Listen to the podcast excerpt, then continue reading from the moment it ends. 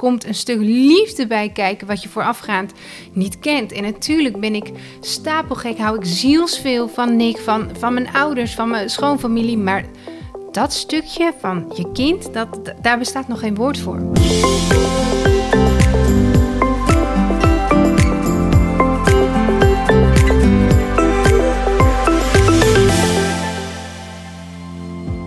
Is de podcast van How to Talk to Kids. Vandaag ben ik in gesprek met Kirsten Schilder over het moederschap. Nou, superleuk. We zijn hier te gast bij Kirsten Schilder. We zitten aan de keukentafel in Volendam. En misschien, Kirsten, zou jij je willen voorstellen? Tuurlijk. Dat, uh, ik ben Kirsten Schilder. nou, dat had je al heel goed geïntroduceerd. Uh, moeder van drie kinderen. Ik heb een, uh, een dochter van negen, een zoon van acht. En nog een heel klein dochtertje erachteraan van drie jaar. En ik ben al 15 jaar samen met, met Nick Schilder van Nick en Simon. Ja, leuk. Want um, we kregen eigenlijk meteen ook een vraag van, van een van, de, van onze volgers. Hoe verdeel jij de aandacht tussen drie kinderen? Hoe gaat dat? Ja, dat, dat vind ik overigens een hele goede vraag. Want dat is iets wat mij heel erg heeft doen twijfelen van wel of niet voor een, een, een tweede of een derde gaan. Um, ik vind het heerlijk om het liefst met z'n allen op de bank, alle kinderen bij elkaar en gezamenlijk een, een lekkere film kijken. En dat is wel een, een, een soort van quality time dat wij samen hebben.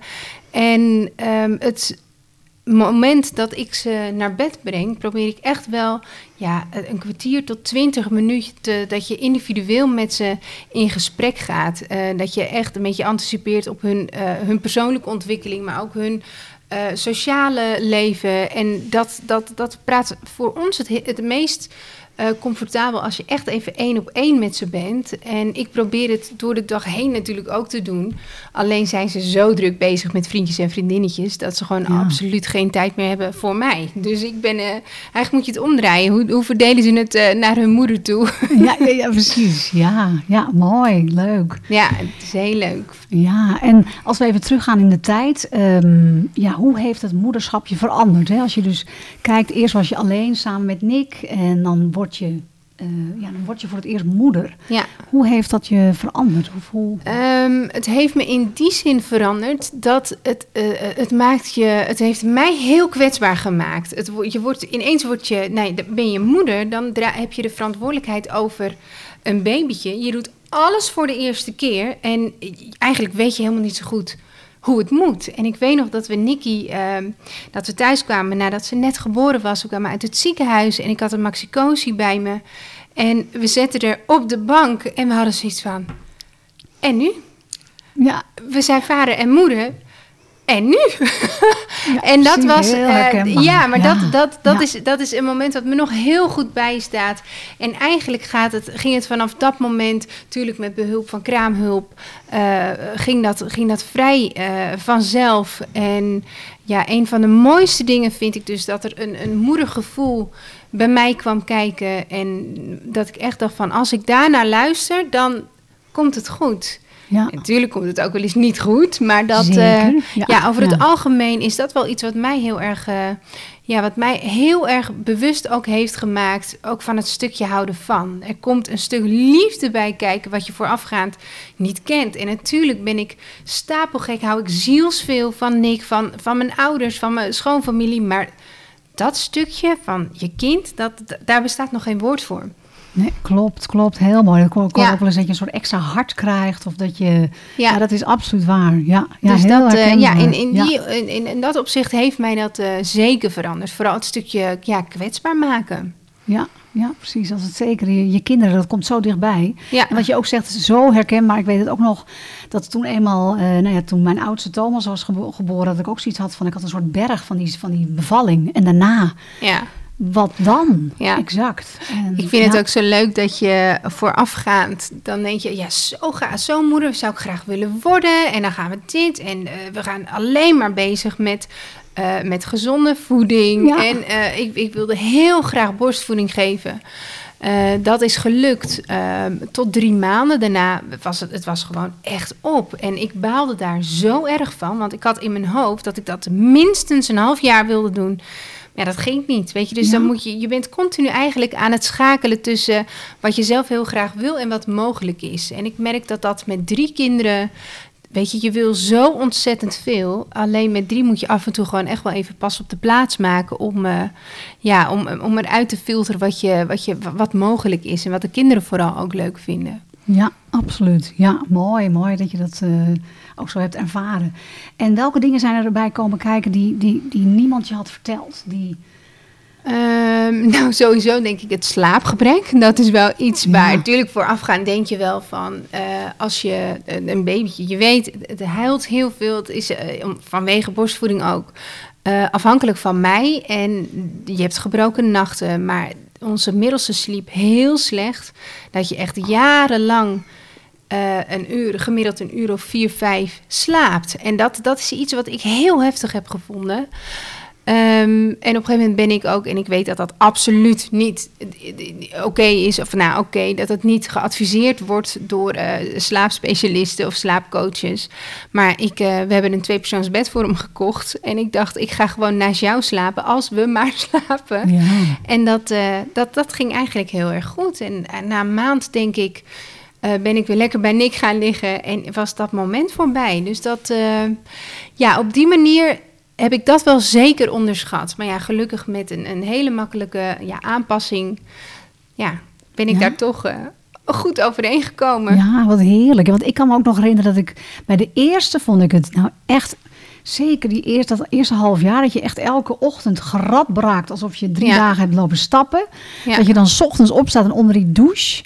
En dat ik wel bij de tweede, en misschien heb jij dat al, nee, die tweede was bij jou heftig, maar die derde, dat, het, dat ik het wel makkelijker vond. Dat ik het makkelijker ja, dat, dat, dat slaat deze dat je het gerad braakte, dat dat iets minder wordt, lijkt wel. Maar goed. Bedoel je dat je dan gewend raakt aan ja, het soort van gewend, dat, ik denk, dat denk ik. Ja, nee, ik raak er dus niet aan gewend. En ik vind het heel heftig. Ik las laatst ook een artikel waar ook in stond dat waarschijnlijk uh, dat uh, slaapgebrek, dat dat overeenkomt met dezelfde schade of beperken wat je doet als je auto rijdt onder, uh, onder invloed van alcohol. Dat je Zo. reactievermogen ja, minimaliseert eigenlijk.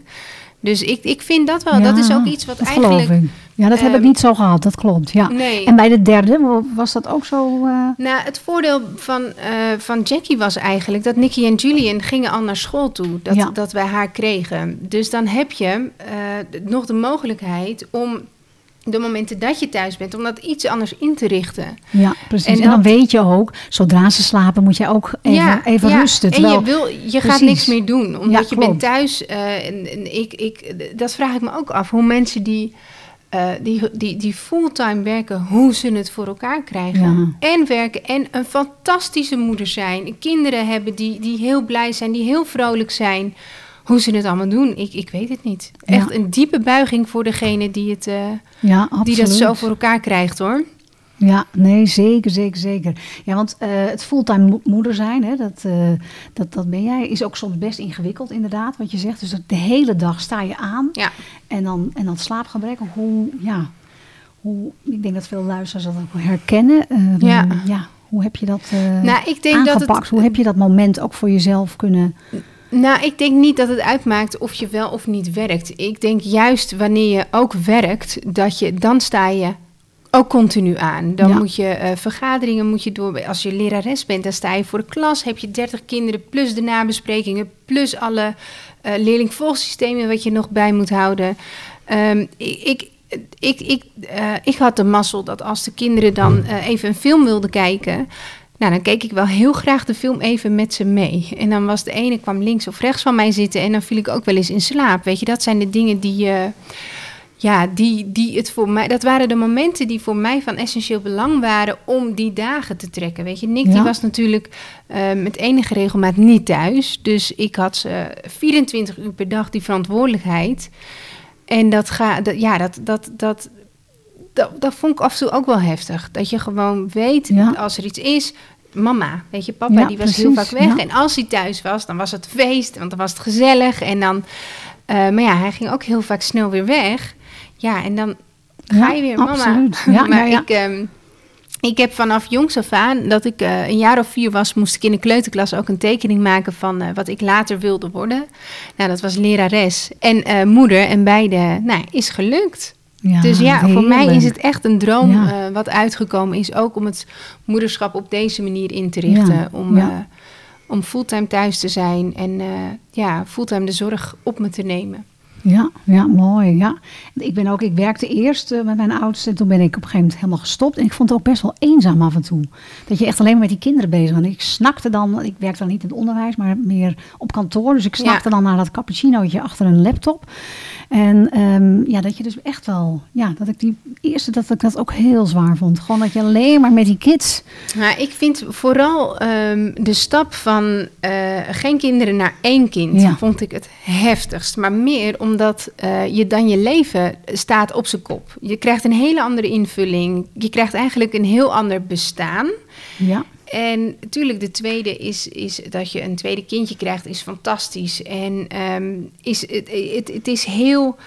Uh, het is natuurlijk, het is drukker, maar je weet wel al, je leven is er al op ingericht. En ik krijg heel vaak de vraag ook uh, van vriendinnen van mij die twee kinderen hebben: van Kees, wanneer besloot je nou echt voor, om, om, voor een derde kindje te gaan? En toen was, nou ja, dat is echt.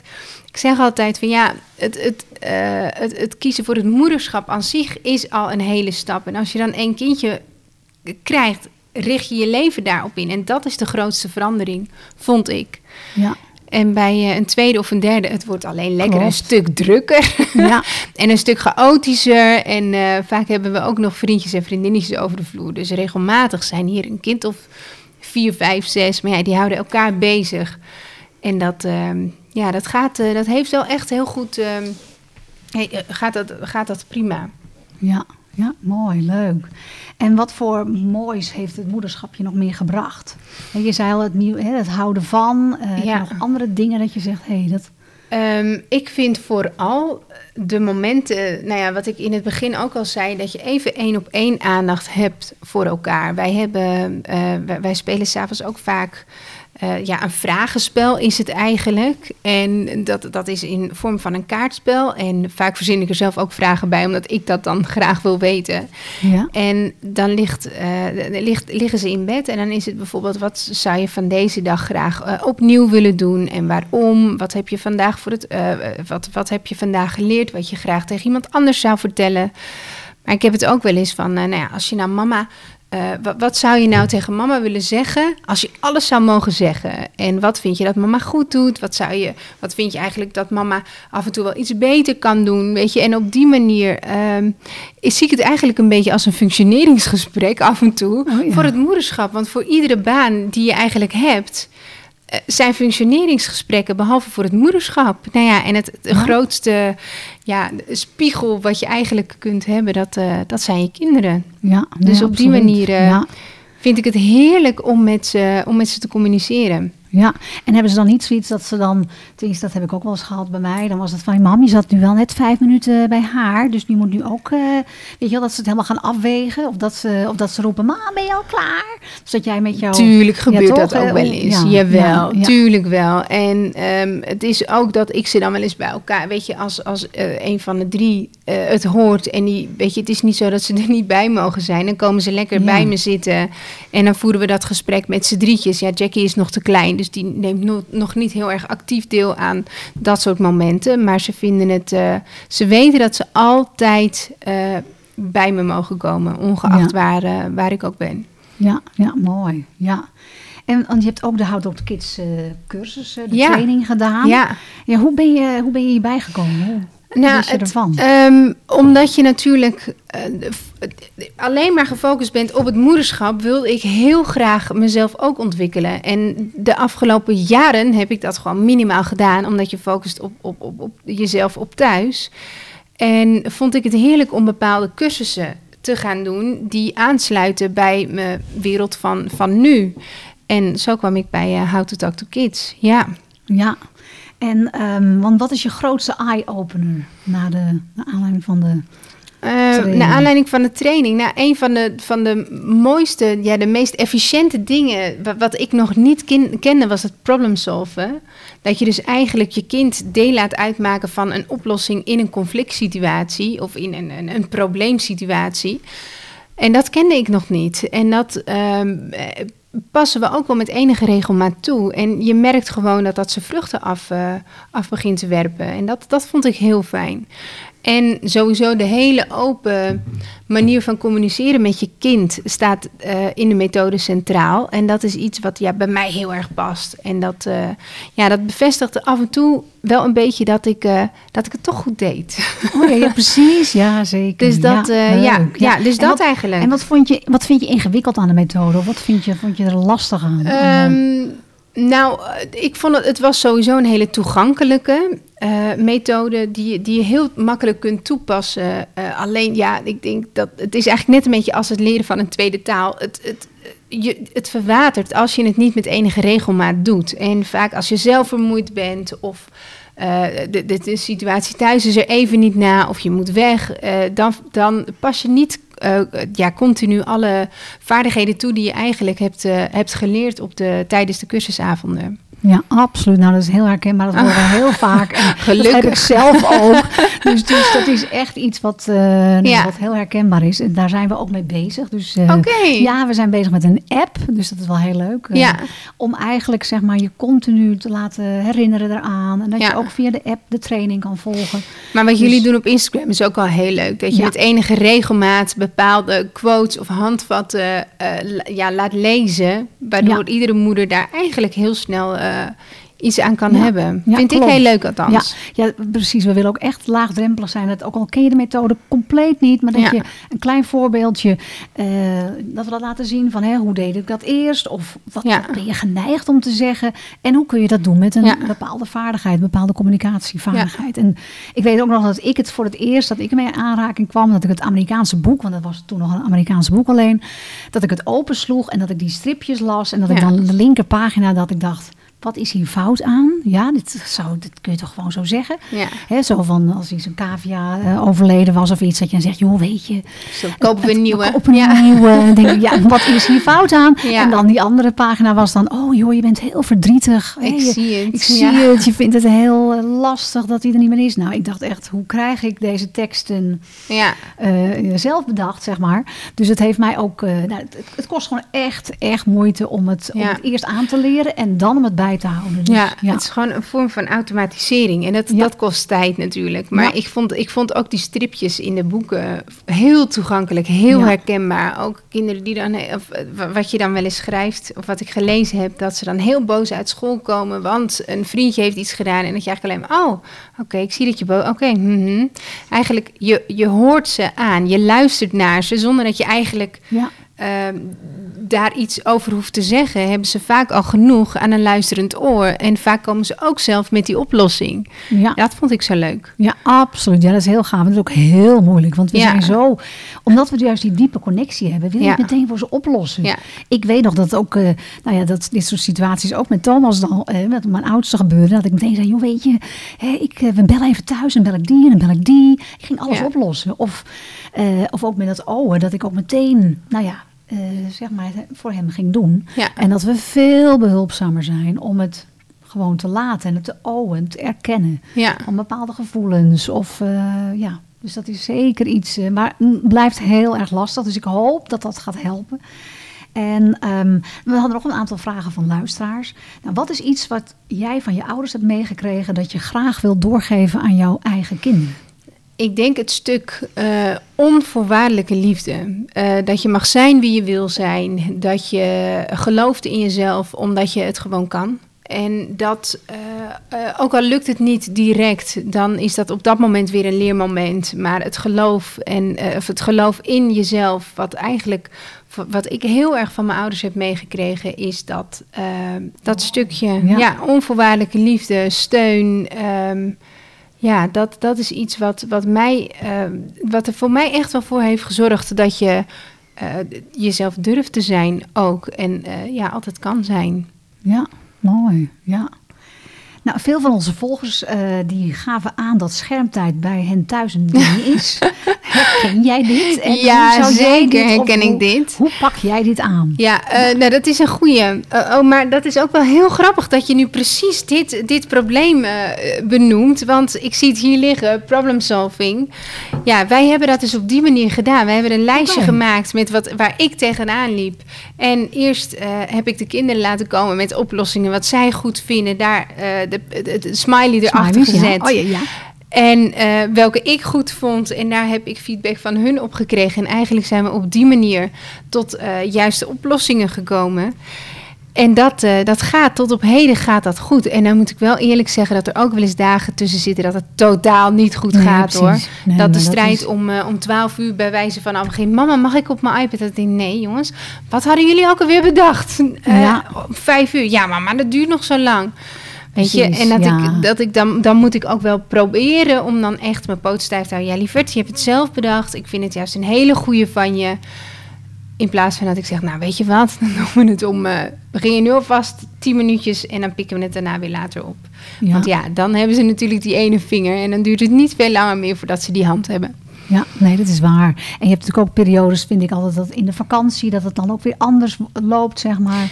Ja. En, ja, dat je misschien ook daarna weer even kan problem solven. Ja. Dat je het opnieuw doet. Ja, ja. ja. ja maar het, het, ik moet zeggen, als je het uh, met enige regelmaat gewoon goed bijhoudt... Uh, en de regels gewoon duidelijk tot regels laat zijn... in plaats van dat er, dat er enige buiging in zit... dan, uh, dan gaat het bij ons gelukkig vaak, dus niet altijd, heel goed. Ja, ja, ja, mooi. Nou, ik zal nog heel even, want misschien dat er een aantal luisteraars zijn die zeggen, waar, waar hebben ze het over, dat problem solving? Nou, dat is eigenlijk als je dus een, ja, eigenlijk een, een iets hebt, een situatie waarin je nou, elke keer denkt, jongens, dan gaan we weer en dan moet ik weer uh, consequenties laten ervaren. Nou, als je iets hebt, uh, dan kun je daarover problem solven. Nou, dat kan heel goed bij schermtijd. En dan uh, zeggen we altijd: introduceer het problem solven bij, de kinderen. En hoe doe je dat dan? Dan zeg je: Jongens, ik, ik wil het graag met jullie hebben over schermtijd. Want elke keer word ik boos. Jullie vinden het lastig om te stoppen. Dus daar moeten we eigenlijk met elkaar eens over nadenken. Nou, wat is een goed moment voor jullie? Dat doe je dan altijd op een ander moment dan dat je het, schermtijd, zeg maar. Um, uh, dat het escaleert. Dus je doet het echt bijvoorbeeld op een zaterdagochtend of echt neutraal moment. Uh, je kan een afspraak met ze maken van joh, laten we het dan uh, doornemen. En dan loop je door een aantal stappen. Nou, het eerste is praat over het kinds gevoelens en zorgen. Dus oké, hoe is dat voor jou? Hè? Want dan, dan zeg ik, uh, we gaan stoppen. Jij vindt dat dan heel lastig. En dan hoor je en erken je zijn gevoel. En van ja, ik vind het zo leuk. Dan zit ik net in een spelletje en dan moet ik opeens van jou stoppen. Dus dat is gewoon heel fijn dat ze zich kunnen uiten daarover. Nou, de volgende stap is dat je over jouw gevoelens en zorgen uh, praat. Wij zeggen altijd hou dat kort. Dat moet niet een ellenlange lezing worden. En dan zeg je joh, kunnen we um, brainstormen met elkaar? Kunnen we wat ideeën bedenken? Wat heb jij voor idee? Nou ja, en dan is alles oké. Heel belangrijk is dat. Dus alle ideeën zijn goed en je schrijft ze op, ook een belangrijke. Dus bijvoorbeeld uh, je kind zegt, nou, ik uh, ja, pak mijn scherm wanneer ik dat wil. En um, ja, dan hoeven we er ook geen ruzie meer over te hebben. Dus je schrijft erop, oké, die schrijf ik op. Um, ja, ik mag altijd mijn scherm gebruiken. Oké, nou, nog meer. Dus, dus niet dat je het meteen afkapt, dat idee. Want dan, dan voelen, ze, voelen ze zich al niet meer gehoord. Uh, dus nou, je, je gaat gewoon beide, uh, kom je met ideeën. En dan ga je ze daarna doorlopen van... hé, hey, hmm, dat eerste idee, dat vind jij een hele goeie. Dus ik zet er voor jou een smiley bij, een soort kolommetje. En een kolom daarnaast voor papa of mama. Ik vind dat niet zo'n goed idee. Oké, okay, volgende idee. Bijvoorbeeld, nou, in jouw geval vijf uur... Uh, mogen we dan een uur schermtijd. Of dat je dat met elkaar overlegt en dan alle ideeën doorloop je en dan zeg je oké. Okay. En dan kan het zijn dat je tot een oplossing komt die voor beide oké okay is. En het mooie is dat je dus door dat proces, dat je je kind voelt zich onderdeel van de oplossing, wat jij ook al zo mooi zei. Daardoor zijn ze veel meer geneigd om zich er ook aan te houden. En dan kan je ook zeggen, weet je, we gaan dit na een week uh, gaan we proberen. We hangen het lijstje op. Hè, dat, we, dat was uh, onze gezamenlijke oplossing. Ja. En dan kijken we na een week, hoe gaat het? Want dat is absoluut nodig. Het is het toch, evaluatiemoment. Ja, het evaluatiemoment. Ja. Dus Kijk, dit is een goeie. Ja. Deze was ik dus vergeten. Dus Ja. dit, eh, Ja, nee, want dat is, dit is een, goed, eh, een goede herhaling. Dankjewel. Ja, ja, nee, zeker. Dat is gewoon altijd fijn om te hebben. Jongens, we moeten het dus even hebben over problem solve. Of over het schermtijd. Hoe gaat het? Eh, wat kunnen we nog beter? Of, en dat kan na een maand, het kan na een week. In het begin zeg ik altijd na een week. Dat staat hier ook echt rond het gesprek af. En maak een vervolgafspraak. Maar het kan ook zijn dat je zegt, het gaat hartstikke goed, lekker. En is een zomervakantie voorbij. En dan moet het vaak weer even... Hè, dan zitten ze ook wel allemaal in een, groep, een hogere groep. Ja. Ehm, de Dus situatie het is de veranderd. bijgeschaafd. Even Ja. bijgeschaafd. Even van Ja. jongens, waar staan we? Wat gaat al heel erg goed? Wat gaat nog niet? Krijgen ze wat meer autonomie daarin? Mogen ze zelf kiezen? Dus dat is een beetje... En dat helpt waanzinnig. We zullen ook voor deze podcast een kleine link eronder zetten... zodat eh, nou, luisteraars daar even door het stappenplan kunnen... en zodat Oh, je zelf lekker met je kinderen aan de gang gaat. Heel leuk. Ja. Nee, dus, eh, dus dat, zeg maar. Ja. En ehm, ja, wat zou jij, ehm, ja, luisteraars, zeg maar, wat zou je nog willen meegeven over het ouderschap? Wat, wat voor tip of wat voor, ja, wat zou je daar nog... Ja, dat is toch weer dat stukje moedergevoel. Dat, dat, eh, dat je als moeder eh, probeer zo, eh, ja, zo, zo dicht bij jezelf, zo dicht mogelijk bij jezelf te blijven. Ehm, want vaak heb je het gewoon bij het juiste eind. Als moeder zijnde. En dat is dat stukje moedergevoel. Wat, eh, ja, waar ik vaak naar luister. En als, ja, als dat gevoel zegt dat ik bepaalde dingen wel of niet moet doen. Ja, dan blijkt het achteraf ook de juiste keus geweest te zijn. Ja, mooi, dankjewel. Nou, heel veel dank voor dit eh, gesprek. Ja, En, eh, jij ook. Heel graag gedaan. Leuk. Ja. Bedankt voor het luisteren naar de podcast van How to Talk to Kids. We hopen dat het je geïnspireerd heeft. Voor meer How to Talk, volg ons op social media, at How to Talk to Kids. Of kijk op onze website www.howtotalktokids.nl. Hier vind je onze boeken en trainingen die je kunnen helpen om onze methode eigen te maken. Don't waste more time. Start now.